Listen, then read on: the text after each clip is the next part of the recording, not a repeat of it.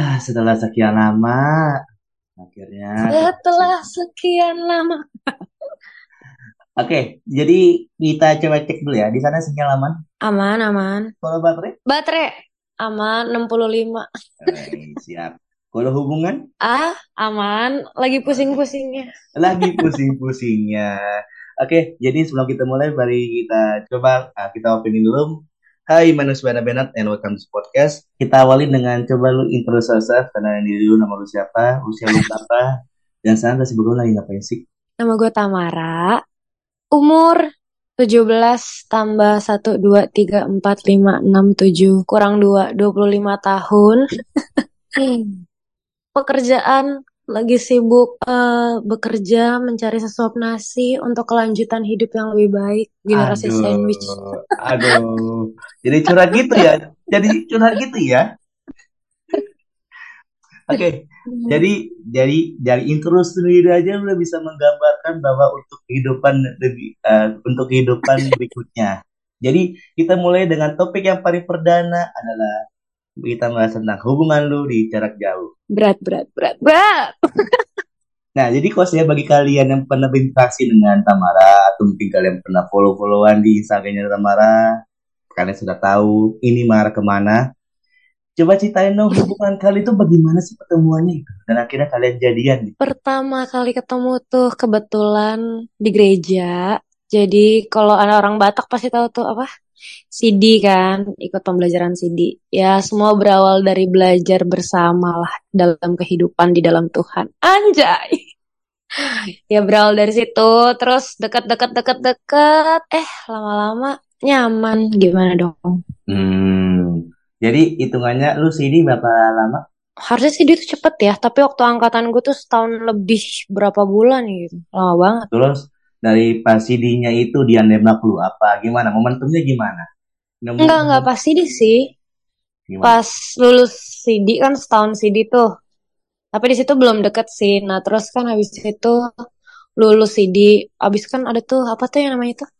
Red, red, red, red gitu kan. Nah, habis dari red, red itulah berawal. Hmm. Beliau berkata, Cil, save nomor gue ya, gitu kan.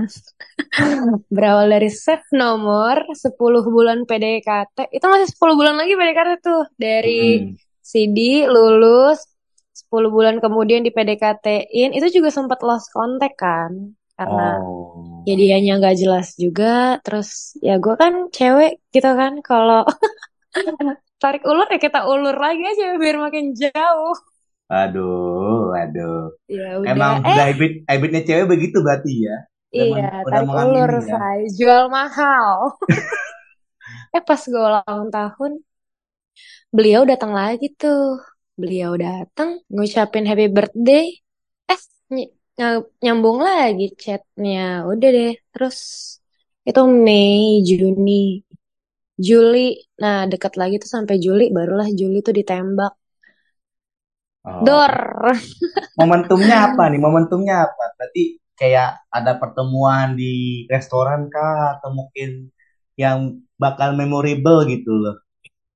sumpah gak ada jadi ya orang orang taunya gue kan anaknya ekstrovert ya Ban ya seperti yang Ah. kalian ketahui mungkin kan kayak anaknya sangat aktif gitu kan Hmm. Tapi untuk dalam hubungan percintaan, saya anaknya sangat pemalu. Oh. Jadi maksudnya gimana nih pemalunya itu gimana tuh? Pemalunya gimana maksudnya? Jadi selama masa pendekatan itu gue nggak pernah ketemu sama sekali sama dia kecuali ketemu di gereja aja gitu. Pokoknya gue kalau ketemu sama cowok tuh kayak gak bisa aja gitu. Kalau cowok yang gue suka tuh kayak gak bisa gitu. Oh, Gak bisa diajak ya. ketemu. Salting ya. Kalau salting kan masih bisa ngobrol kan? Ini gak sih? Mm-mm. Ya kalau gue tuh kayak takut aja gitu kayak udah ya udahlah udah deg-degan duluan. Jadi nggak ketemu gue tuh. Dalam 10 bulan PDKT pun itu nggak pernah ketemu yang jalan gimana gitu. Jadi ya chattingan ketemuan di gereja aja gitu. Selamat hari Minggu udah gitu doang. Terus udah lanjut chat chat chat chat. Terus pas ditembak Juli pun itu itu nggak ada tuh ketemu. Dia tuh pernah ngajak ketemu pas gue ulang tahun mau ngasih kado kan katanya. Hmm. sumpah karena emang gue bilang itu gue takut ketemu cowok nggak ngerti ya takut aja gitu buat ketemu sama cowok berduaan atau gimana gitu kan Hmm. terus ya udah Mei itu gue bilang maaf ya dengan seribu satu alasan biar nggak ketemu kan tuh Oh gitu. Tapi lu masih iya nggak tanggal-tanggalnya itu tanggal berapa? Tanggal jadi itu tanggal berapa? tang masih kalau jadian mau cewek kan ingatannya soal tanggal-tanggal bagus Iya coba tanggal berapa? 25 Juli 2014 itu awal jadiannya.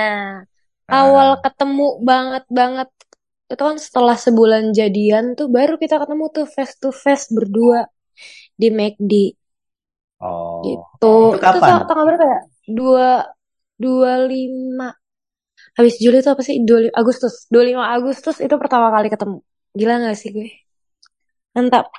Untungnya gue ngajak kolaborasi sama cowok lu ya. Maksudnya gue ajak kolaborasi, pasti dia lupa. Emang kebiasaan buruk cowok sih.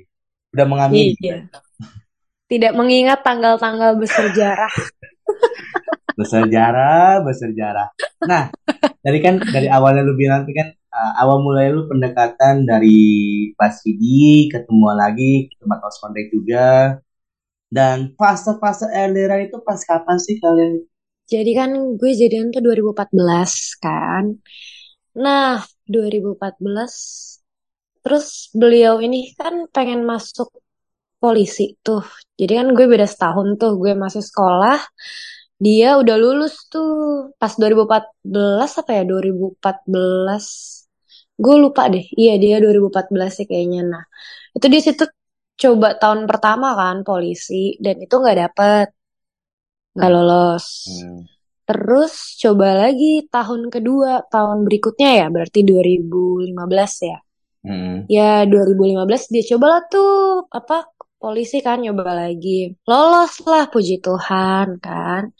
Nah, ya kan gue nggak tahu ya. Namanya juga orang belum pernah pacaran yang gimana-gimana. Eh, tahu-tahu gue ditinggal pergi gitu aja gitu dia apa pendidikannya di Bali gitu. Jauh banget. Hmm, pendidikannya berapa lama tuh? Tujuh bulan sih. Tapi kalau di polisi itu kan dia dua bulan pertama itu dia nggak boleh pegang HP kan. Pertama jadi benar-benar lost contact aja gitu ya. Nanya kabar nggak tahu, apa nggak tahu gitu kan. Semua HP-nya dia disita juga kan. Hmm. Ya udah. Terus dua bulan lo nggak komunikasi, lima bulannya barulah dia dikasih HP. Itu juga dikasih HP-nya cuma boleh pegang Sabtu sama Minggu doang. Senin Hmm. sampai Jumat gak boleh. Tapi kalau misalnya lo sendiri nih, lo merasa curiga gak sih dengan dia? Kalau gue Di curiga fase itu banget. ya? Di fase itu ya? Di fase, di, Di, di fase itu ya? Di fase itu lo, lo curiga banget. bayangin, coba coba Bapak Bana bayangkan, coba bayangkan dua bulan seorang anak kuliahan pacaran tapi nggak ada wujudnya orangnya, nggak ada nggak ada kabar, nggak ada apa. Hmm. Ya itu mikir dia di sana karena gue nggak tahu pendidikan polisi kayak gimana ya. Gue Hmm. mikir tuh sampai kayak gini, dia tuh di Bali apa ketemu cewek atau gimana? Iya Random banget sih. gak sih? Ya, random juga. Jadi, jadi bikin lo overthinking ya? Iyalah gila dua bulan dua bulan bener-bener gak ada kabar nggak ya gue nggak tahu dia ngapain dia ya bisa ya ngapain ya tapi emang pendidikan sih cuman kan kita kan nggak tahu kan pendidikan itu kayak gimana juga kan namanya juga Iya.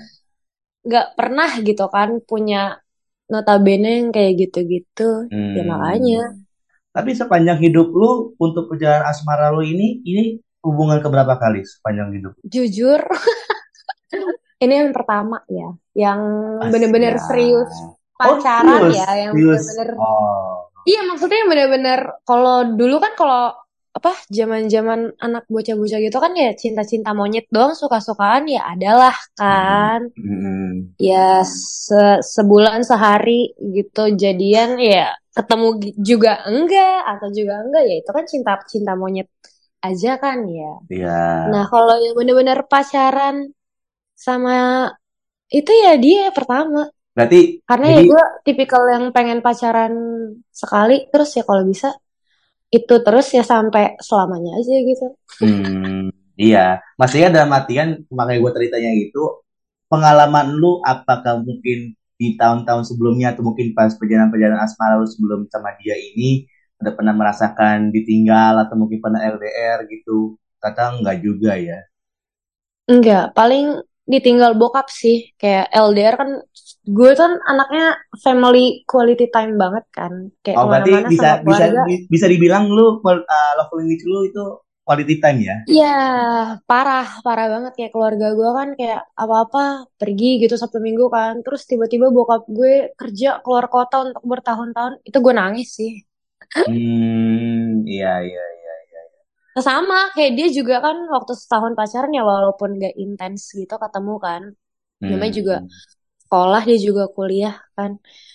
Ya terus tiba-tiba tiap hari ngechat, tiap hari eh, seminggu sekali ketemu. Terus tahu-tahu setahun kemudian ditinggal pergi buat sesuatu hal. Terus dua, dua bulan nggak kontekan, lima bulan ya. Itu kan kayak nangis banget gak sih? Iya betul Gak, betul gak betul. bisa gue anak quality time digituin. Iya iya iya. Tapi BTW ini lu sama dia beda berapa tahun? Tahun sih, setahun doang. Oh setahun doang. Oh. Tapi kalau setahun juga dia nggak terima dibilang beda setahun. Soalnya dia tuh kelahiran 96-nya November kan. Hmm, Gue Mei-nya 97. Jadi kalau hitungan bulan sebenarnya cuma 5 sampai 6 bulan kan. Oh. Eh BTW kalau misalnya bisa dibilang kalau saya tanda kutip yang bilang LDR itu berarti dari pendidikannya berarti ya. Iya, dari yang dia mulai pendidikan itulah, itu udah LDR parah, gila dua bulan. Hmm, hmm, hmm. Nah, semenjak dua bulan tadi lo bilang gak pegang gadget lah, atau mungkin gak pegang HP. Itu pas dia nelpon pertama kali itu gimana respon? Wih, nangis. Nangis. Lucunya tuh gini, dia, dia kan dua, dua bulan tuh kan lost contact kan. Terus abangnya tuh yang bilang, abangnya bilang, dia balik gitu kan. Kan emang itu jadi dua, kalau di polisi tuh tujuh bulan pendidikan, dua bulannya kan pendidikannya nggak pegang HP kan. Terus seminggu pulang ke rumah tuh kayak mungkin liburan sejenak lah kan. Terus balik lagi nanti ke Bali kan.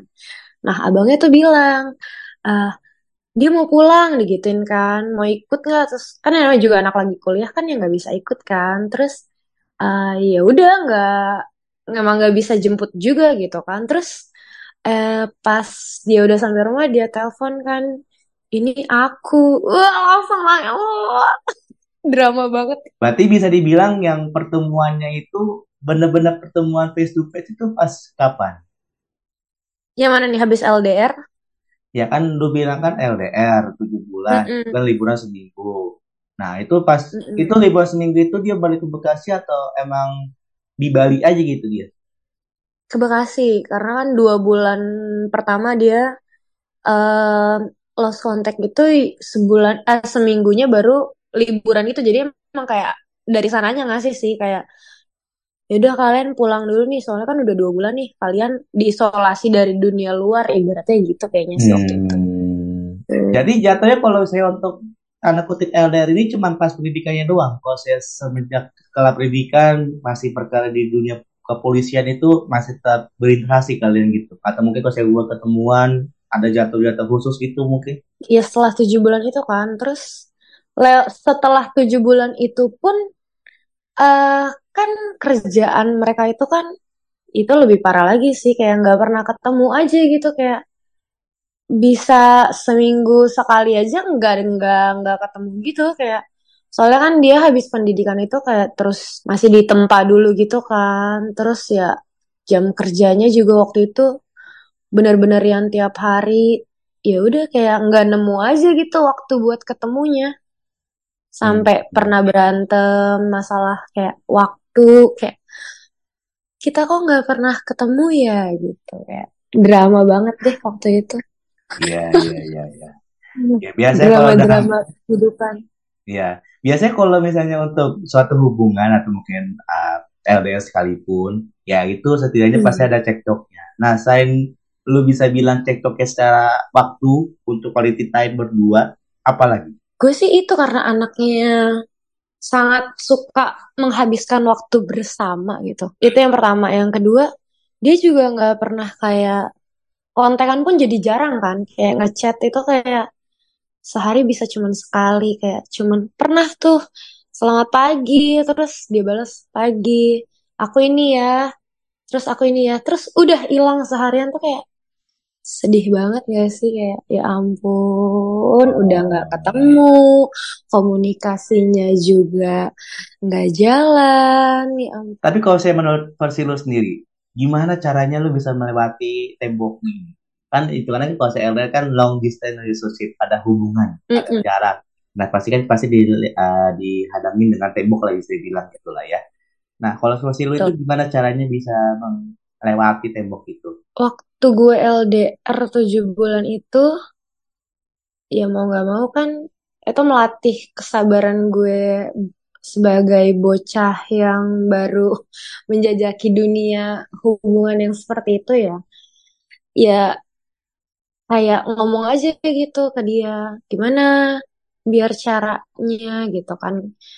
Gak kayak gini ya terus dia jelasin lah kan. Ya emang nggak bisa tam digituin. Ya nggak boleh pegang HP ya nggak boleh komunikasi. Ya cuma bisa Sabtu Minggu gitu kan. Itu juga Sabtu Minggu terbatas gitu ya kalau mau ya Sabtu Minggu itu sambil video call. Jadi tuh setiap Sabtu Minggu ya mau nggak mau video call gitu seharian kayak Hmm. teleponan kayak ya dipuas-puasin lah di situ lah. Karena kan Senin sampai Jumatnya kan dia pegang HP aja itu kalau waktu udah selesai dua bulan yang jalan tiga bulan itu malam banget kan jam 11 jam 12 itu juga sembunyi-sembunyi kan harusnya kan nggak boleh sama sekali kan ya gue kan juga udah tidur ya namanya juga anak kuliah gitu kan. Ya udah mau nggak mau pas hari Sabtu Minggunya itulah dipuas-puasin banyak lah track record video call pada zaman itu. Nah mengenai tadi lu bilang banyak track recordnya, paling lama berapa lama? 6 jam ada kali. 6 jam itu 6 video call jam atau video call atau phone call? call call 6 jam video call 3 sampai 4 jam. Soalnya kan dia di rumah numpang juga kan nggak bisa yang full apa ngobrol terus kan.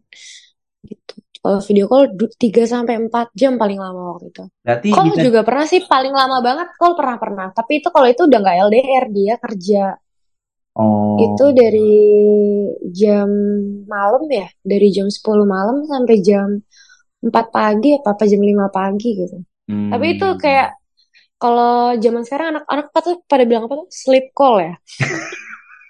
Iya, gue pengen bahas itu. Sih.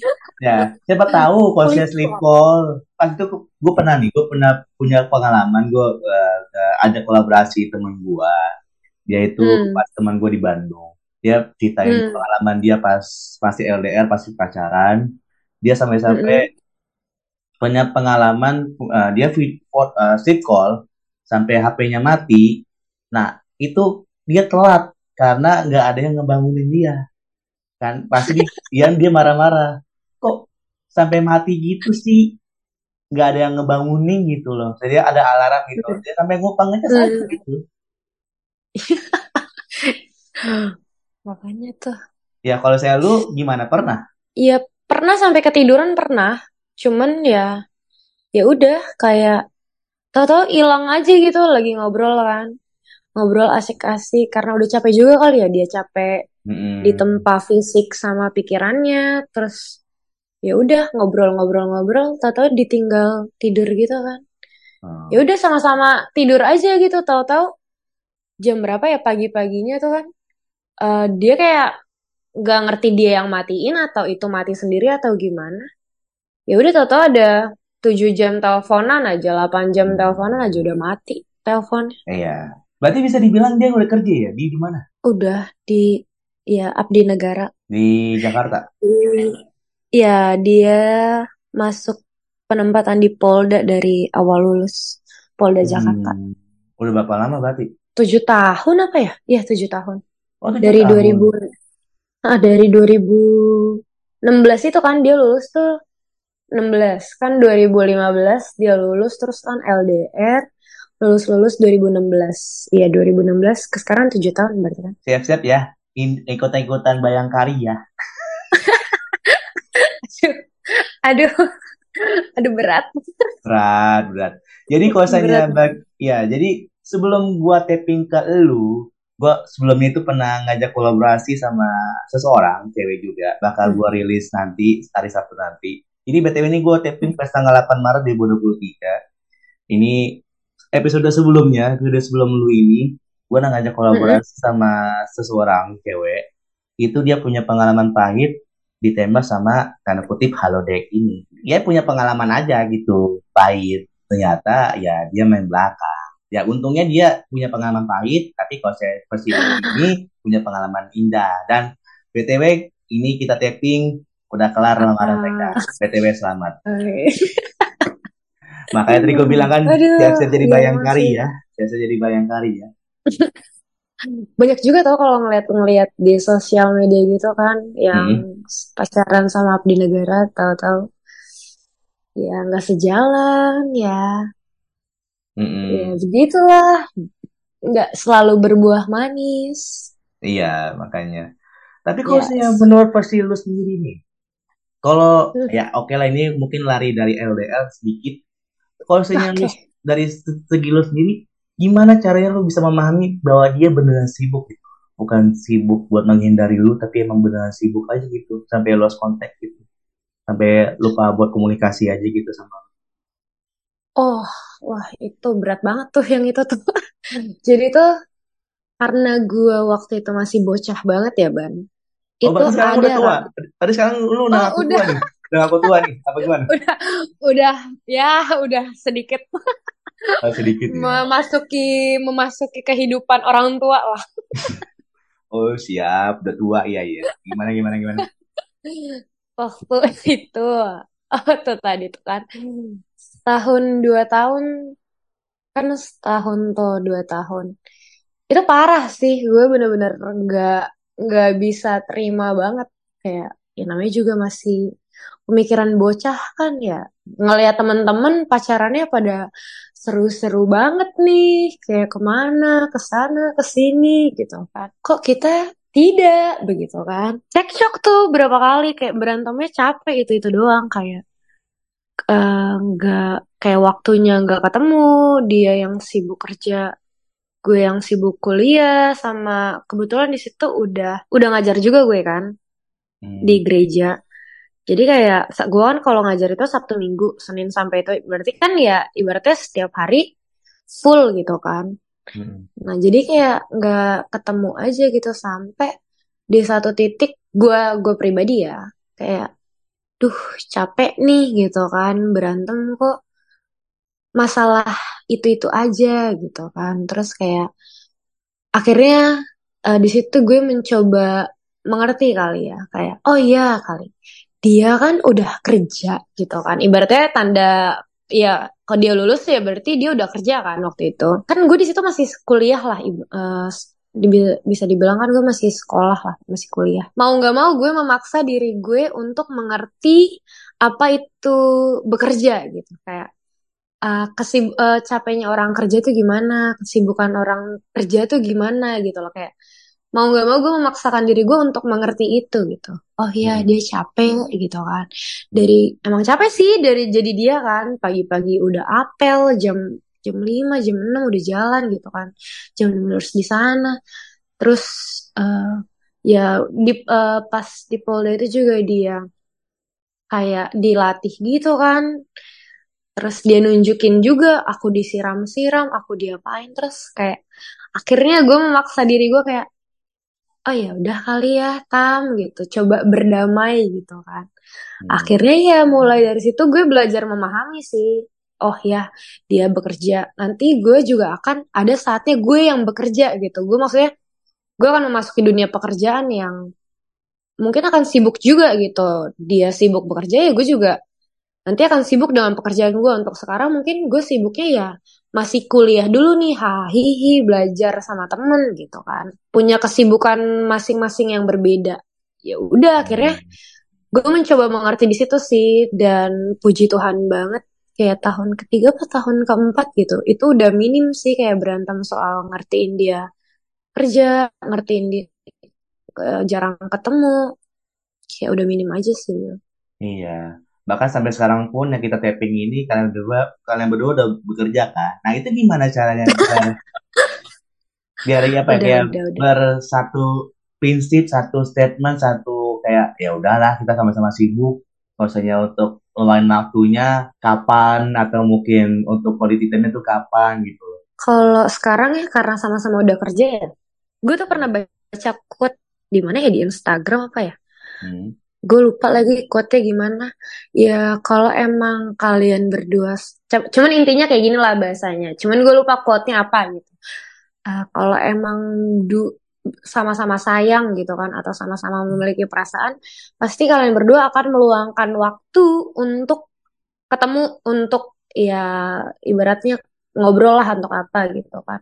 Ya itu bener kayak ya kalau emang lo sayang sama pasangan lo ya misalnya lo free atau gue nya misalnya gue lo free tapi gue nya sibuk coba jadi jalan tengahnya kayak misalnya oh yaudah nanti malam gitu kan. Makan malam ibaratnya nggak harus yang di tempat mewah tapi kayak di pinggir jalan ketemu di abang-abang kaki lima aja tuh kayak udah akhirnya ngobrol ketemu kayak gitu sih paling. Iya ya iya. harus mau meluangkan waktu nggak sih kayak gitu? Iyalah betul. Apalagi buat setidaknya buat berinteraksi lah gitu. Oke mungkin untuk menutupi part pertama ini coba lu kasih kesan kesan lu ya bisa dibilang sama tujuh bulan tujuh bulan perdana lu menjalankan LDR ini seperti apa dan coba lu kasih pesan kepada pejuang-pejuang LDR biar tanda kutip tetap bertahan sampai sekarang ini posisi lo sekarang ini dalam buat melanjutkan ke tahap berikutnya itu pernikahan. Uh, buat para pejuang LDR di luar sana, berat banget ya. Kalau menurut kalian pasangan kalian itu mau sama-sama diajak berjuang ibaratnya, ya lanjutin gitu kan. Karena kan kayak aku suka juga lihat beberapa orang yang LDR kayak pasangannya ada yang gak mau berjuang lah, malah cari yang lain lah. Kalau kalian sama-sama mau gitu berjuang, ya itu harus kesepakatan kalian juga kan. Karena yang jalanin hubungan itu ya kalian berdua gitu. LDR itu tentang kalian berdua, bukan tentang satu orang, bukan tentang si pihak cewek, bukan tentang si pihak cowok doang, tapi sama-sama. Ya harus ada kedewasaan sih, karena ya emang tahu juga egonya orang tuh, egonya kita pribadi tuh tinggi banget. Egonya parah banget. Di mana kita ngeredam ego kita, yaitu kita harus bisa ngertiin pasangan kita. Ya dia kenapa kita kenapa saling ngerti. Dan yang satu juga harus percaya sih. Percaya maksudnya bukan percaya sama pasangannya. Karena pasti banyak yang bilang ah, percaya sama pasangan tuh bohong lah muslihat apalah gitu kan. Kalau gue percaya sama Tuhan sih dari awal kayak gue percaya sama Tuhan kalau emang dia jodoh gue kalau emang dia ditakdirkan buat gue gue yakin sih Tuhan bakal jaga dia kalaupun memang ternyata dia tidak worth it untuk diperjuangkan pasti Tuhan bakal tunjukin juga nih eh tam manusia ini tidak cocok untuk diperjuangkan. Pasti akan terlihat. Tapi kalau Tuhan bilang tam manusia manusia ini cocok untuk diperjuangkan kelihatan kan hasilnya sekarang. Gitu sih percaya sama Tuhan. Kalau udah percaya sama Tuhan pasti kayak ya udah Tuhan kasih apa jadi ya jalan aja. Jalannya Tuhan tuh keren banget. Kalau gue pribadi kayak gitu Okay. Semoga teman-teman yang lain juga kayak gitu. Ini kebetulan ini untuk ngatur waktu ya ini sangat susah karena tadi seperti gue bilang, ini lagi mau ke tahap berikutnya untuk pernikahan. Gue takutnya jangan-jangan, tapi ini beneran nih pertengahan tahun ini, takut jangan-jangan nanti kalau saya gue rilis nanti lu nikah kaget gue. belum, belum. Masih pertengahan tahun ini, ini bulan apa sih? Bulan tiga ya? Nah. Tiga, ya tengah-tengah kan enam atau tujuh kan. Nah, ya oh. ya sekitaran segitulah. Oke, ada lagi tanggal-tanggal spill buat di apa diumbarkan? Nantilah, tunggu tanggal mainnya aja kalau itu. Siap, siap, siap. Mungkin ini pertanyaan terakhir sebelum closing. Nah, mungkin kalau saya gue lihat sendiri kan, untuk kalian kalau saya quality time kan, seakan-akan kayak dulunya lebih kayak atraktif gitu loh untuk kayak video-videoin kah atau mungkin dia lebih kayak tampang kayak kayak kalem aja gitu kalau saya menurut lo sendiri, apa yang menarik dari dia? Sehingga lo harus mempertahankan dia sampai akhir. Pertama, ya gue nyaman sama dia. Dia bisa buat gue jadi diri gue sendiri. Kayak adalah teman gue, dia kayak kepasangannya itu cukup lumayan fake aja gitu kan.